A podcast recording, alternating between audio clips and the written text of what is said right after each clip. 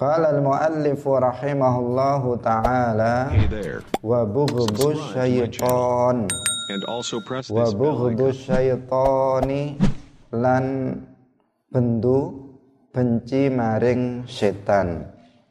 Wa bughdud dunya lan sengit utawa benci maring donya. Wa bughdhu ahlil ma'asi lan sengit maring ahli maksiat. Wa mahabbatullahi lan demen maring Allah.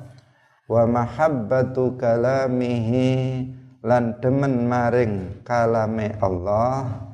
Wa rasulihi lan demen maring rasule Allah.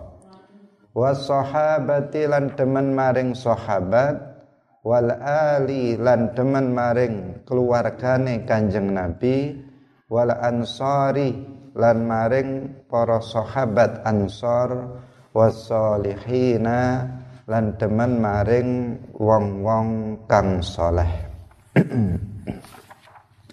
kaum muslimin pemirsa yang dirahmati oleh Allah subhanahu wa ta'ala di antara kewajiban hati yang wajib kita lakukan dalam hati kita adalah membenci setan.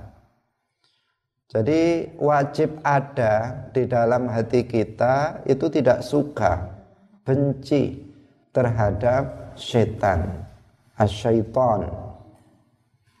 Nah, setan itu siapa? Setan itu adalah kafirul jinni. Jadi yang kafir dari bangsa jin itu namanya setan. Meskipun terkadang ketika disebut syaiton, asyaiton, maka yang dimaksud di situ adalah iblis, yaitu jin yang pertama yang diciptakan yang kufur kepada Allah. Jadi ada makhluk selain manusia itu jin, nah, bangsa jin. Jin ini ada yang kafir dan ada yang muslim. Tetapi yang kafir lebih banyak daripada yang muslim. Nah, jin yang kafir ini disebut sebagai asyaiton, setan. Nah, ini jin yang kafir, yang tidak mau masuk ke dalam agama Islam. Rasulullah Shallallahu Alaihi Wasallam itu juga diutus untuk berdakwah kepada kalangan jin. Bukan hanya diutus pada kalangan manusia saja. Sehingga di antara para jin ini ada yang kemudian masuk ke dalam agama Islam tetapi banyak lebih banyak yang mereka enggan tidak mau masuk ke dalam agama Islam. Mereka yang tidak mau masuk ke dalam agama Islam disebut setan, asyaiton. nah, di antara mereka yang masuk ke dalam agama Islam, di antara mereka ada yang kemudian taat. Nah, menjadi seorang muslim yang taat artinya mereka menjadi seorang jin yang bertakwa kepada Allah Subhanahu wa taala menjalankan yang diperintah-perintahkan yang diperintahkan oleh Allah dan meninggalkan hal-hal yang dilarang oleh Allah. Ini jin muslim yang soleh, yang bertakwa. Tetapi lebih banyak di antara mereka itu yang fasik, yang mereka tidak mau taat meskipun muslim tetapi tidak mau taat kepada Allah, tidak sholat, tidak puasa Ramadan, akhlaknya rusak dan seterusnya. Itu lebih banyak di antara daripada orang daripada jin-jin yang apa namanya yang soleh, yang bertakwa. Nah, sehingga jin ini dikenal dengan akzabu khalqillah sebagai makhluk Allah yang paling pendusta. Makhluk Allah yang paling suka berbohong itu adalah jin. karena mereka itu disifati dengan akzabu khalqillah makhluk yang paling pembohong maka kita jangan mudah percaya kepada jin nah, meskipun dia mengaku sebagai jin muslim kita jangan mudah percaya kepada mereka. Kenapa? Karena mereka gampang menipu. Apalagi pada umumnya kita ini tidak bisa melihat jin. Sementara jin itu melihat kita. Jadi jin melihat kita kita melihat tidak bisa melihat jin. Maka sangat berbahaya apabila seseorang itu itu berteman dengan jin meskipun mengaku itu sebagai jin muslim. Karena bisa jadi apa? Hanya mengaku-ngaku saja tetapi sebenarnya dia adalah setan jin yang kafir. Nah, kenapa? Tadi kita sebutkan mereka adalah akzabu khalqillah. Kebanyakan para jin ini berusaha apalagi setan-setannya ini berusaha untuk menjerumuskan manusia bahkan seandainya Allah itu tidak memerintahkan para malaikat untuk menjaga manusia, maka manusia ini sudah dijadikan sebagai objek permainan oleh jin-jin ini. Sudah dibuat seperti bola oleh jin ini, dipermainkan ke sana kemari. Seandainya tidak ada para malaikat yang diperintah oleh Allah untuk menjaga setiap manusia. Kenapa? Lah mereka melihat kita, sementara kita nggak bisa melihat dia, maka jin ini bisa leluasa untuk mempermainkan manusia. Nah, tetapi alhamdulillah Allah ini memerintahkan malaikat hafazah yang menjaga manusia dari permainan dari para jin ini. Kaum muslimin pemirsa yang dirahmati oleh Allah Subhanahu wa taala. Jin ini adalah apa namanya setan, jin yang kafir itu adalah musuh dari orang Islam, musuh dari kita. Maka hendaknya kita jadikan musuh. Jangan dijadikan sebagai teman. Dalam Al-Quran sudah ditegaskan Inna syaitana lakum aduwwum fattakhidhu aduwa Sesungguhnya setan itu adalah musuh bagi kalian. Fattakhidhuhu aduwa Maka jadikanlah setan itu sebagai musuh. Jangan dijadikan sebagai teman Sudah diberitahu bahwa setan itu musuh bagi manusia musuh bagi umat Islam, maka jadikanlah setan itu sebagai musuh kamu. Jangan kamu jadikan sebagai teman. Ini perlu untuk dipertegas karena sebagian orang ada yang berteman dengan setan. Nah, sebagian orang ada yang berteman dengan setan saling bantu membantu, saling tolong menolong di antara mereka. Saling membutuhkan. Yaitu para dukun-dukun itu. Nah, para dukun-dukun. Tapi yang dimaksud bukan dukun bayi ya atau bukan dukun pijet. Nah, tetapi yang dimaksud di sini adalah yang kita sebut dengan dukun di sini adalah orang yang bekerja sama dengan setan untuk melakukan sihir. Bekerja sama dengan setan untuk melakukan perbuatan-perbuatan perbuatan-perbuatan yang tidak sesuai dengan ketentuan syarak misalnya untuk mengetahui sesuatu yang gaib untuk mengetahui sesuatu yang akan terjadi di pada masa yang akan datang nanti akan begini begini begini Nah, untuk ini namanya dukun, nah, dukun yang tidak diperbolehkan dalam ajaran Islam. Karena ada kerjasama dengan setan yaitu uh, kafir kafirul jinni jin yang kafir. Ini harus diwaspadai. Karena sejak dulu sampai sekarang itu ada orang-orang yang seperti itu. Bekerja sama dengan setan nenek untuk misalnya nyantet orang misalnya. Ini namanya apa?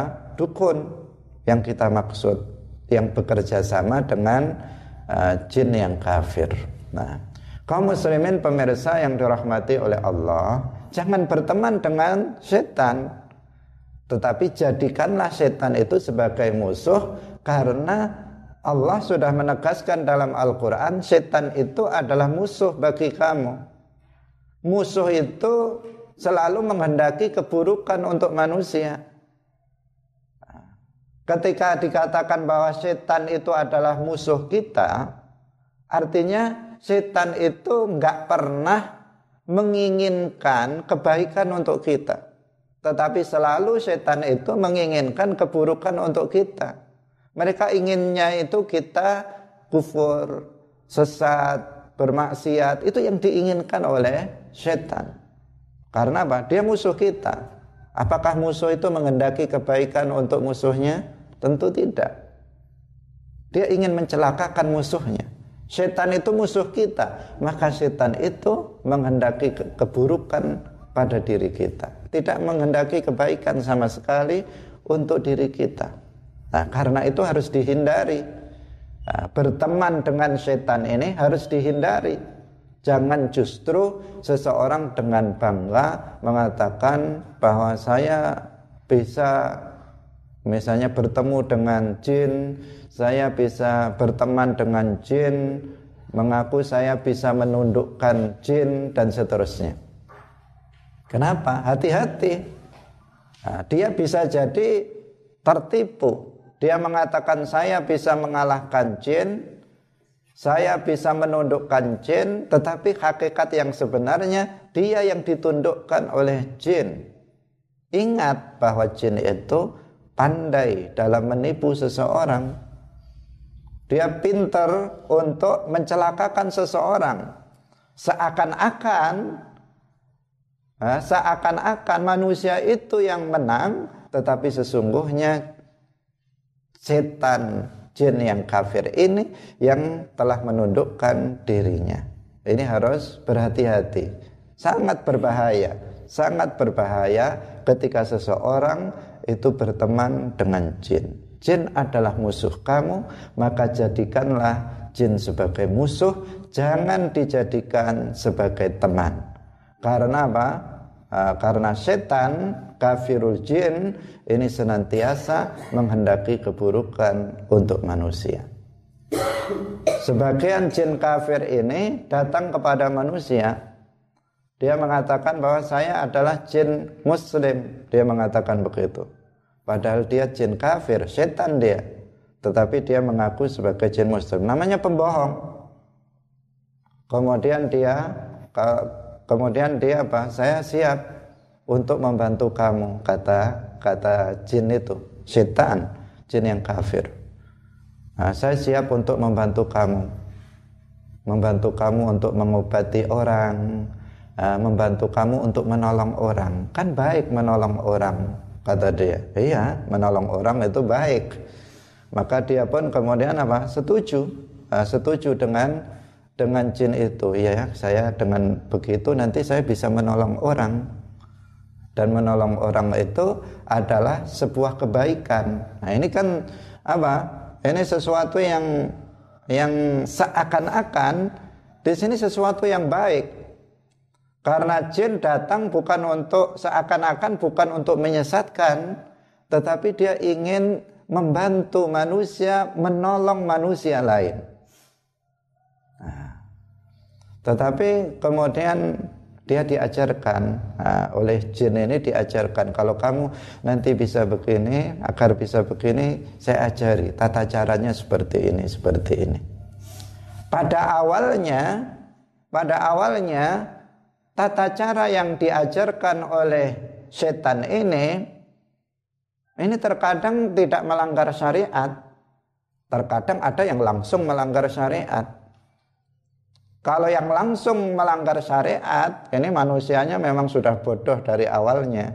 Jadi, jadi dari dari awalnya nggak pernah belajar ilmu agama, nah, makanya dari awal sudah diajari uh, tata cara dukun yang bertentangan dengan dengan syariat Islam. Dari awal sudah langsung seperti itu. Tetapi ada seseorang yang uh, agak-agak paham terhadap agama. Ini kalau nanti langsung di apa namanya diajarkan dengan tata cara dukun yang apa namanya yang bertentangan dengan Islam dia bisa menolak. Akhirnya apa? Dia mengajarinya dengan seolah-olah bahwa itu sesuai dengan syariat Islam, sesuai dengan ketentuan Islam, seolah-olah. Tetapi kemudian tanpa terasa karena ilmunya yang yang masih apa namanya tipis, ilmunya yang masih sedikit tentang agama, tentang akidah, kemudian sedikit demi sedikit itu diselewengkan oleh setan ini.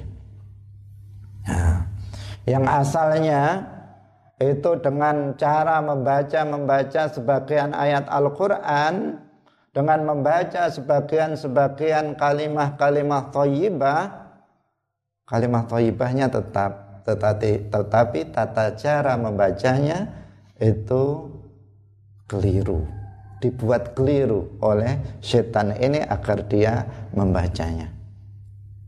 Misalnya eh, saya pernah mendengar seorang dukun tetapi tidak di sini.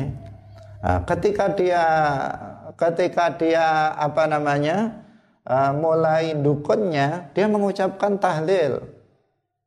Dia mengatakan la ilaha illallah la ilaha illallah. Betul pada awalnya. Ketika dia di pertengahan di pertengahan uh, saya simak dengan betul-betul tiba-tiba dia berubah yang dibaca itu Orang yang mendengar seolah-olah kalau nggak teliti itu tetap bacaannya. Tetapi ketika di tengah itu dia sudah berubah. Dia mengatakan la ilaha illallah la ilaha illallah. Dia sudah berubah seperti itu. Nah, ini sudah sudah berbalik, maknanya sudah berbalik ketika di awal dia menetapkan bahwasanya tidak ada yang disembah dengan hak kecuali hanya Allah. Kemudian di belakang dia mengatakan ada yang berhak disembah selain Allah. Nah ini. Ini tanpa terasa si dukun ini pun merasa masih saya islami. Saya yang diajarkan oleh jin saya itu nggak ada yang melanggar syariat Islam.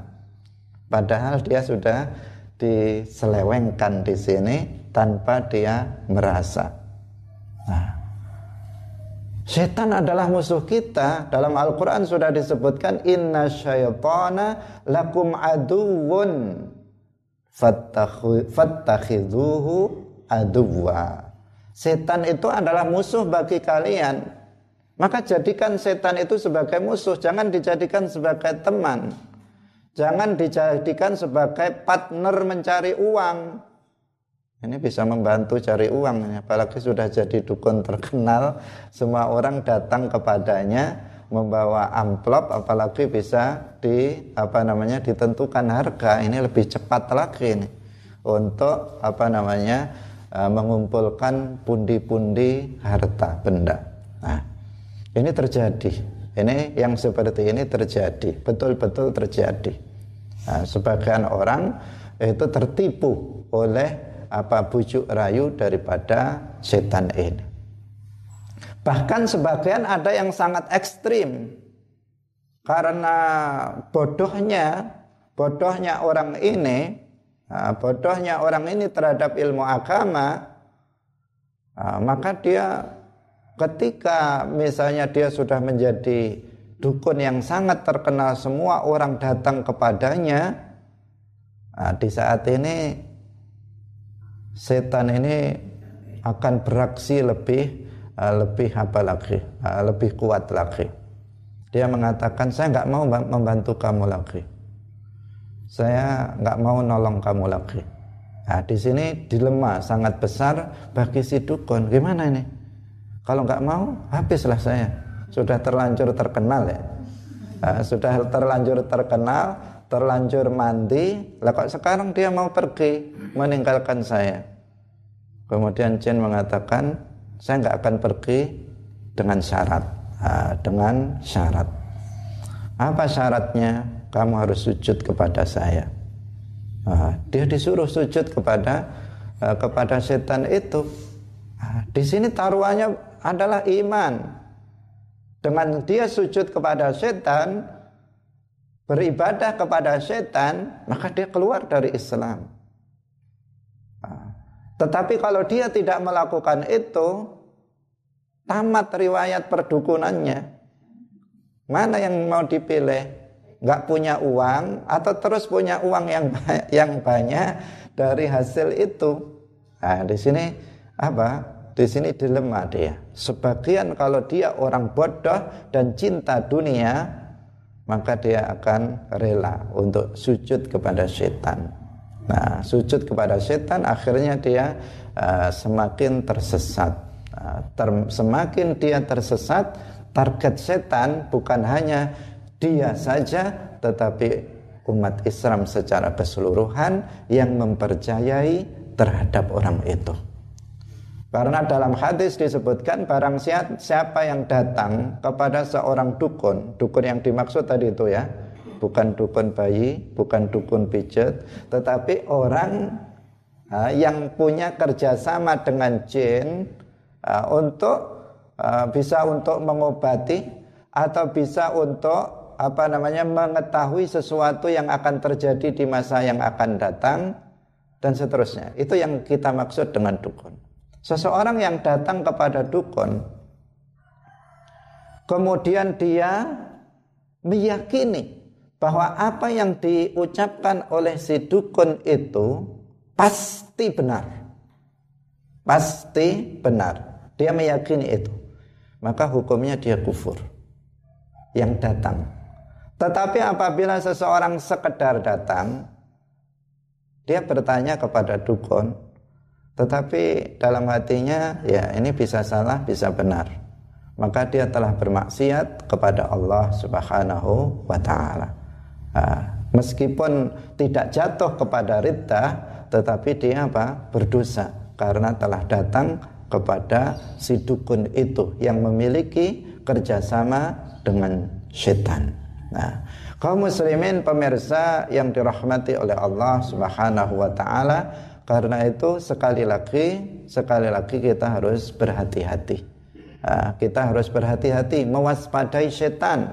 Setan itu musuh kita, untuk kita benci, bukan untuk kita cintai, bukan untuk kita jadikan sebagai teman, bukan untuk kita jadikan partner untuk cari uang, Ah, sebagaimana yang dilakukan oleh sebagian orang. Nah, karena sebagian orang punya potensi itu, punya potensi. Mungkin bagi kita enggak melihat jin kayak apa aja enggak pernah. Uh, melihat kita enggak pernah lihat uh, hantu aja enggak pernah lihat. Karena hantu itu itu juga jin ya, jin yang yang menampakkan dirinya. Kita juga enggak pernah lihat. Tapi sebagian orang itu setiap hari melihat jin. Ini punya potensi jadi dukun orang seperti ini. Iya ada. Sebagian orang baik itu laki-laki maupun perempuan itu selalu ha, ditampai, ha, diper, dia uh, jin itu memperlihatkan kepada dirinya. Ada orang yang seperti itu. Uh, artinya orang ini punya potensi untuk mengarah ke sana. Nah, karena sebagian itu adalah turunan. Turunan. Jadi jin itu umurnya lebih panjang dari manusia secara umum, ha, secara umum. Ha, bukan bukan per perorangan, per jin. Karena ada juga yang kemudian dibunuh oleh uh, orang sehingga umurnya nggak panjang. Tetapi secara umum jin itu umurnya lebih panjang dari manusia. Maka bisa jadi jin mbahnya dulu jin yang dulu pernah kerjasama dengan mbahnya mbahnya ini dukun kerjasama dengan setan. Ini sudah bersumpah untuk berkhidmah kepada keluarga itu. Sehingga ketika mbahnya mati, ganti bapaknya yang jadi dukun. Ketika bapaknya mati, ganti cucunya yang jadi dukun. Potensinya terus ada karena apa? Jinnya tetap, tetapi manusianya berganti-ganti. Nah, ketika seseorang itu apa namanya tidak tidak kuat imannya, maka Ah, maka jin ini akan setan ini akan menawarkan kepada dirinya menawarkan bantuan menawarkan pertolongan dengan dalih-dalih yang seakan-akan baik tetapi sesungguhnya karena setan itu musuh maka musuh tidak pernah menghendaki kebaikan kepada musuhnya nah, dia menghendaki keburukan untuk musuhnya dia menghendaki musuhnya itu tersesat seperti dirinya dan bisa menyesatkan orang lain. Nah, kaum muslimin pemirsa yang dirahmati oleh Allah Subhanahu wa taala. Ini bughdus syaitan. Harus kita ada rasa benci terhadap setan, jangan suka terhadap setan. Setan itu memang ciptaan Allah. Tetapi Allah membenci setan, maka kita wajib untuk membencinya. Kaum muslimin pemirsa yang dirahmati oleh Allah Subhanahu wa taala. Nah, ketika disebut setan terkadang juga yang dimaksud adalah iblis. Iblis ini ini apa namanya nenek moyangnya jin.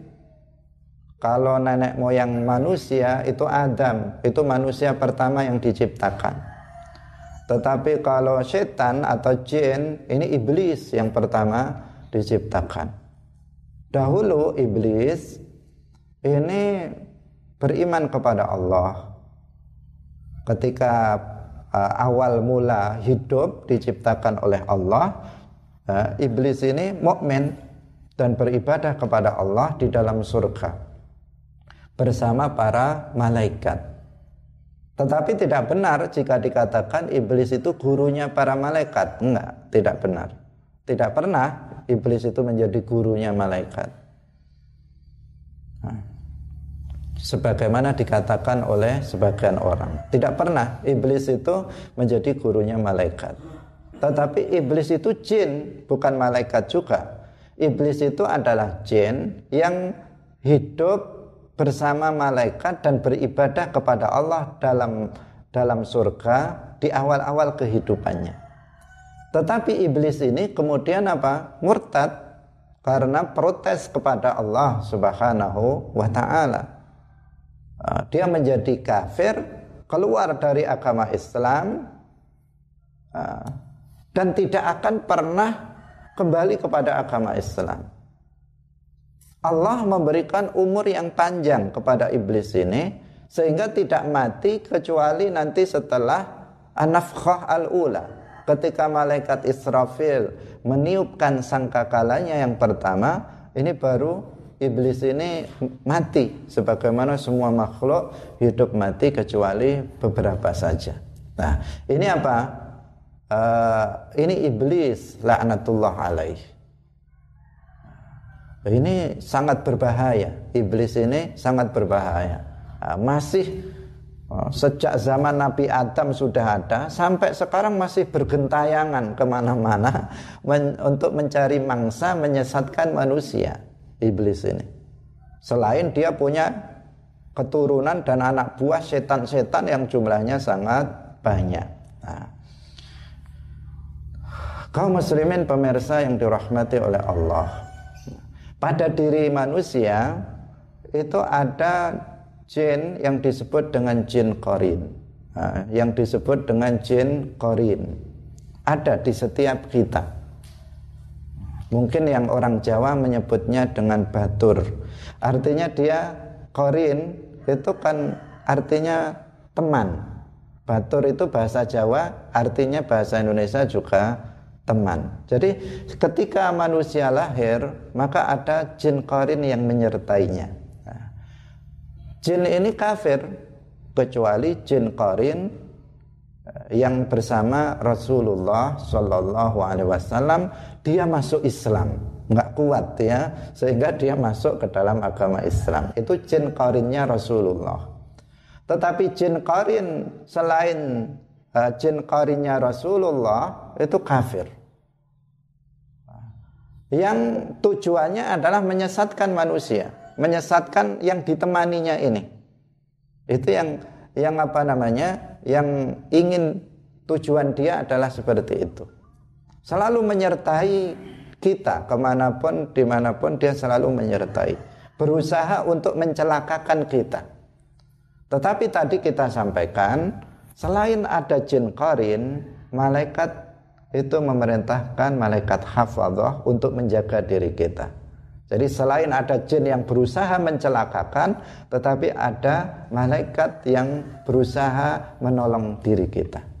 Nah, seandainya tidak ada malaikat yang menjaga diri kita, maka kita sudah dipermainkan oleh jin ini, uh, sudah dibuat bal-balan oleh jin ini. Uh, karena karena itu kita bersyukur kepada Allah Subhanahu wa taala yang menjaga diri kita dari dari jin ini. Nah, kaum muslimin pemirsa yang dirahmati oleh Allah Subhanahu wa taala. Karena itu kita harus selalu waspada dan kita berdoa, kita selalu bertawud, berdoa meminta perlindungan. A'udzu billahi minasyaitonir rajim.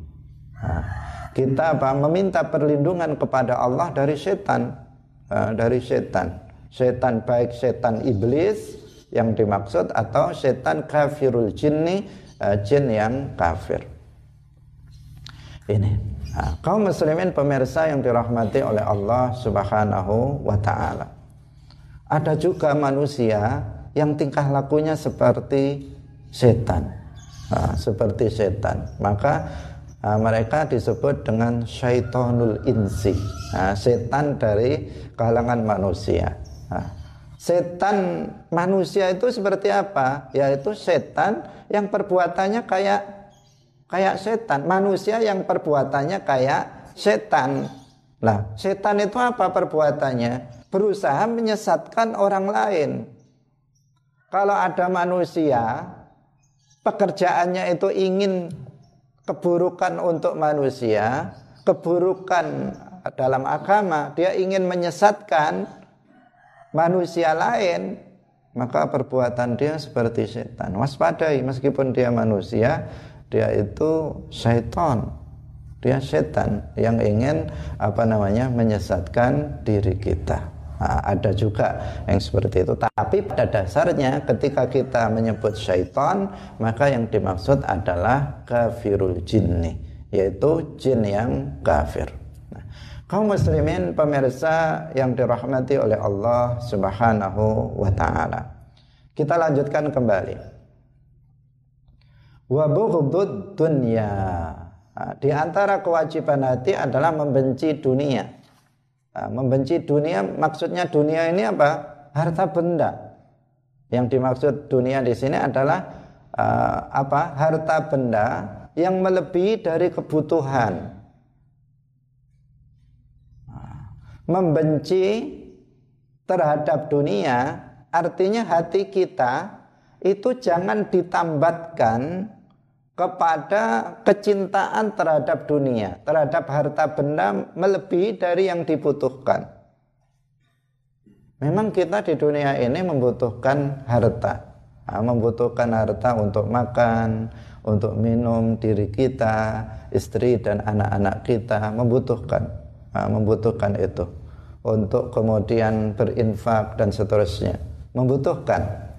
Tetapi yang tidak diperbolehkan itu bukan memiliki harta. Yang nggak diperbolehkan itu adalah cinta terhadap harta. Harus dibedakan harus dibedakan. Yang dilarang itu bukan memiliki harta tetapi yang dilarang itu adalah cinta terhadap harta benda terhadap dunia. Nah, kalau memiliki harta banyak para nabi yang memiliki harta yang melimpah seperti Nabi Dawud, seperti Nabi Sulaiman, harta bendanya banyak sekali. tetapi nggak ada cinta terhadap harta di dalam hatinya. Itu siapa? Nabi Sulaiman, Nabi Dawud, Abu Bakar, Abdurrahman bin Auf, sahabat Abdurrahman bin Auf. Mereka kaya raya punya harta, tetapi mereka tidak cinta terhadap harta. Orang nggak punya harta, miskin sekali, fakir, tapi cinta terhadap harta, boleh apa tidak? Tidak boleh. Karena yang dimaksud di sini adalah cinta terhadap harta. Cinta terhadap dunia itu yang haram. Yang di sini termasuk maksiat hati.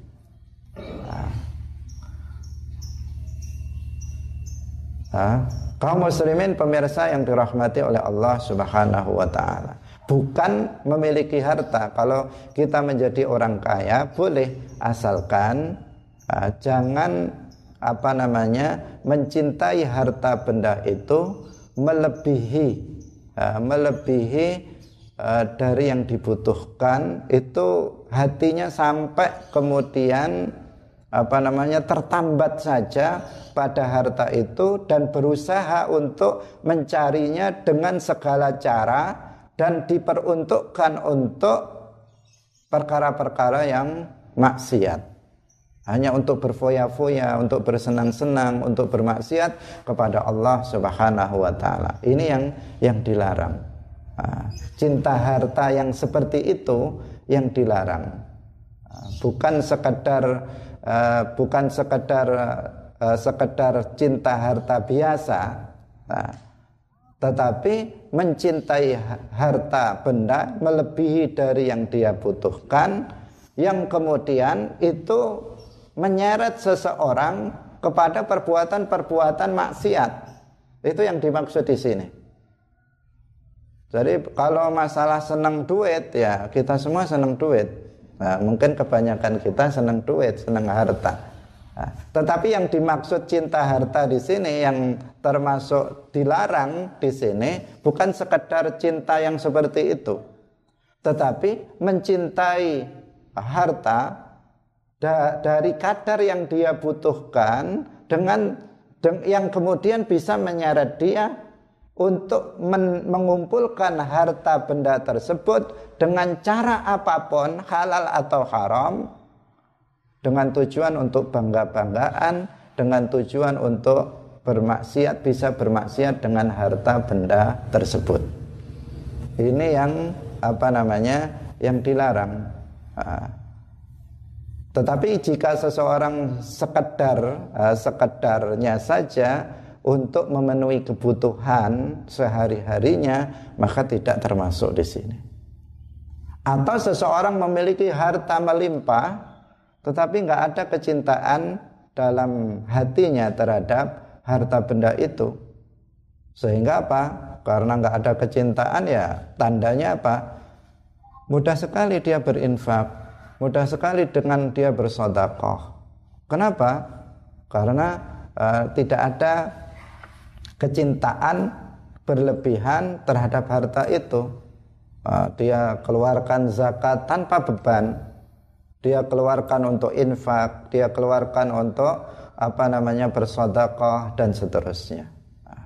Kaum muslimin pemirsa yang dirahmati oleh Allah Subhanahu wa taala, Para ulama mengatakan hubbud dunya ra'su kulli khati'atin.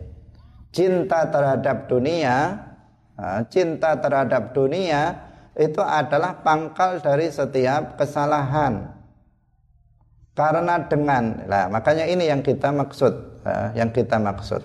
Jadi cinta terhadap dunia yang tidak diperbolehkan itu yang kemudian menyebabkan cinta dunia itu menyebabkan seseorang melakukan kemaksiatan-kemaksiatan baik dari tata cara mengumpulkannya maupun dalam hal mentasarufkannya nah, karena dengan itu seseorang akan melakukan korupsi seseorang akan menyopet seseorang akan merampok seseorang akan mencuri, seseorang akan berjudi, seseorang akan melakukan riba dan seterusnya. Nah, dunia seperti itulah yang yang itu mazmum, yang dicela. Ya, yang dicela itu yang seperti itu. Kaum muslimin pemirsa yang dirahmati oleh Allah Subhanahu wa taala. Nah, ini sudah sering kita jelaskan tentang permasalahan ini. Kemudian yang berikutnya adalah bughdu ahlil ma'asi. Nah, benci terhadap kemaksiatan. Benci terhadap kemaksiatan yang dilakukan oleh seseorang. Ini sudah kita jelaskan juga ah, dalam pertemuan sebelumnya. Ah, bahwa ada kewajiban bagi kita itu nahi mungkar. Ketika kita mengetahui sebuah kemungkaran dilakukan di suatu tempat tertentu misalnya, kita tahu maka wajib bagi kita untuk an-nahyu anil mungkar. Jika kita mampu dengan tangan atau kekuasaan, maka dengan tangan, dengan kekuasaan. Apabila kita tidak mampu melakukannya dengan tangan atau kekuasaan, maka dengan apa namanya? Eh, dengan lisan, dengan cara menasehatinya. Jika tidak mampu, maka minimal dengan hati. Nah ini yang di sini. Dengan hati. Artinya menghadirkan rasa tidak senang, menghadirkan rasa benci dalam hati terhadap kemaksiatan yang sedang terjadi. Nggak ridho, nggak suka, uh, benci terhadap kemaksiatan yang dilakukan oleh seseorang. Uh, ini hukumnya wajib dan ini adalah hal minimal di dalam seseorang melakukan an-nahyu anil mungkar. Nah, sebagaimana sudah kita jelaskan sebelumnya. Tidak boleh ada rasa senang di dalam hati seseorang terhadap kemaksiatan yang dia lakukan sendiri maupun yang dilakukan oleh orang lain. Ada orang melakukan maksiat, dia malah tertawa-tertawa senang. Maka dia jatuh kepada maksiat. Nah, ketika itu dia jatuh kepada maksiat. Nah, atau seseorang melakukan dosa dengan tertawa-tertawa, dia sendiri melakukan dosa sambil tertawa, bukannya menangis tetapi tertawa. Maka berarti apa? Di sini double. Dia dosa karena melakukan maksiat, yang kedua dia dosa karena senang terhadap kemaksiatan yang dilakukannya. Karena hukumnya wajib bagi seseorang itu untuk membenci apa? Membenci kemaksiatan baik yang dilakukannya sendiri maupun yang dilakukan oleh orang lain. Nah, kaum muslimin pemirsa yang dirahmati oleh Allah Subhanahu wa taala, yang selanjutnya masih ada beberapa kewajiban hati lagi yaitu mencintai Allah, mencintai kalamnya dan mencintai rasulnya. Nah, mencintai Allah hukumnya wajib Mencintai Allah itu dengan beriman kepada Allah, dengan apa namanya mengagungkan Allah sesuai dengan sifat-sifatnya yang layak bagi Allah Subhanahu wa taala. Itu mencintai Allah. Tidak mensifatinya dengan sifat-sifat yang tidak layak bagi Allah. Kalau ada seseorang secara lisan mengatakan uhibbullah saya mencintai Allah. Tetapi dia mensifati Allah dengan sifat-sifat yang tidak layak bagi Allah maka dia tidak mencintai Allah. Orang yang mencintai itu pasti mensifatinya dengan sifat-sifat yang baik bukan dengan sifat-sifat yang tercela Nah, sifat yang tercela, sifat yang tidak layak bagi Allah adalah sifat makhluk. Semua sifat makhluk itu sifat yang tidak layak bagi Allah. Maka nggak boleh seseorang mensifati Allah dengan sifat makhluk. Al-Imam At-Tahawi As-Salafi salah seorang ulama salaf karena beliau lahir tahun 221 Hijriah. 227 Hijriah dan wafat tahun 321 Hijriah. Artinya beliau minas salaf termasuk ulama salaf. Beliau mengatakan wa mau wasafallaha bima'nan mimma'anil bashari faqad kafara. Barang siapa yang mensifati Allah dengan salah satu sifat manusia, satu saja sifat manusia disifatkan kepada Allah faqad kafar, maka hukumnya dia telah kufur. Kenapa? Karena dia telah mensifati Allah dengan sifat yang tidak layak bagi Allah. Allah itu adalah Tuhan, maka harus disifati dengan sifat Tuhan, sifat ketuhanan. As-sifah al-ilahiyah tidak boleh disifati dengan sifat makhluk. Karena yang disifati dengan sifat makhluk namanya makhluk.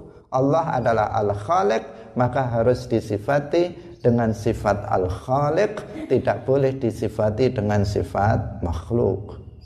Sifat makhluk itu seperti berubah, memiliki bentuk, memiliki ukuran, memiliki anggota badan, berada pada tempat, berada pada arah, itu namanya apa? Sifat makhluk. Semua itu sudah sudah sudah pasti sifat makhluk dan itu sudah kita jelaskan sebelumnya.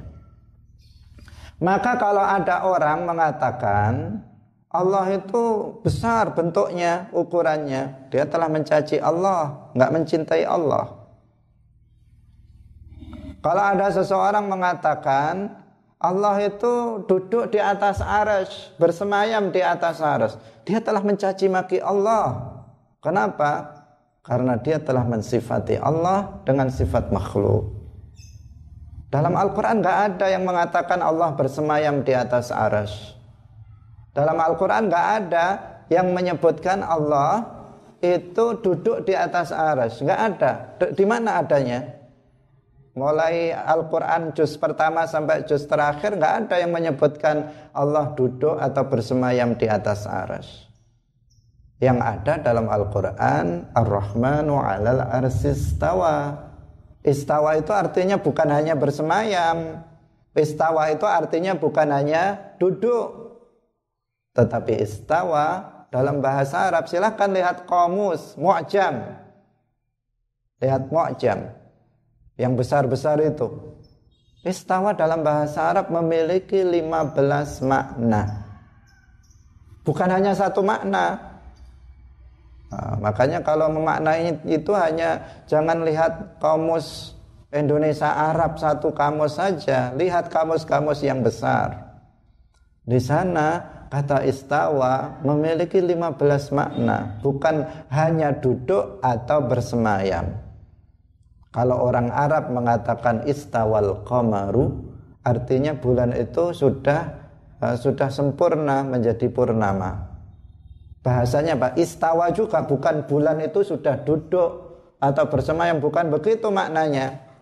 Nah, kalau orang Arab mengatakan istawa atau amu itu artinya bukan makanannya sudah duduk, bukan begitu, atau makanannya sudah bersemayam di atas meja, bukan begitu.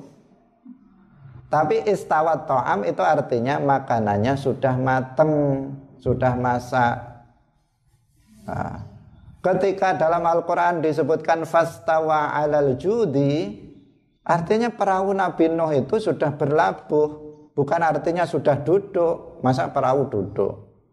Artinya apa? Ini saya ingin hanya menjelaskan dalam Al-Quran itu nggak ada yang menyebutkan Allah duduk itu nggak ada, Allah jalasa itu nggak ada. Yang menyebutkan Allah istaqarra yang berarti apa? Bersemayam itu nggak ada. Yang ada dalam Al-Quran Ar-Rahmanu alal arsyistawa dan istawa dalam bahasa Arab maknanya ada 15 di antaranya itu adalah menguasai seperti dalam bahasa Arab istawa bishrun alal iraqi. Artinya bishr telah menguasai kota apa namanya negara Irak. Nah masa bishr telah duduk di Irak? Apa kelebihannya duduk di Irak? Banyak orang yang duduk di sana. Tetapi uh, istawa bishrun alal iraqi artinya apa? Bishr telah menguasai Irak. Daerah Irak sudah dikuasai Itu bahasa Arab seperti itu. Lah, di sini para ulama sebagian para ulama mentakwilkan ayat Ar-Rahmanu 'alal arsistawa dengan makna dari istawa yang lain bukan duduk bukan bersemayam artinya Ar-Rahmanu 'alal arsistawa Allah menguasai arsy bukan duduk bukan bersemayam kalau seseorang mengatakan Allah duduk, Allah bersemayam di atas aras, berarti dia mensifati Allah dengan sifat makhluk.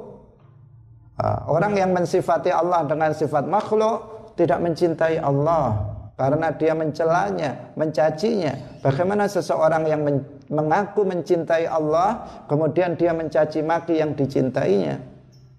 Omong kosong itu. Nah, karena itu kita harus berhati-hati nah, dari akidah-akidah yang menyimpang yang akhir-akhir ini banyak disebarkan oleh kelompok seperti kelompok Wahabi pengikut Muhammad bin Abdul Wahab An-Najdi dan pengikut Ibnu Taimiyah. Kaum muslimin pemirsa yang dirahmati oleh Allah sampai di sini nah ini belum habis ya kajian kita tentang kewajiban hati insya Allah besok masih kita lanjutkan lagi yaitu tentang cinta terhadap kalam Allah cinta terhadap Rasulullah, cinta terhadap para sahabat, keluarganya dan orang-orang soleh. Semoga bermanfaat. Barakallahu fikum. Wallahu muwaffiq ila aqwamit thoriq. Wassalamualaikum warahmatullahi wabarakatuh.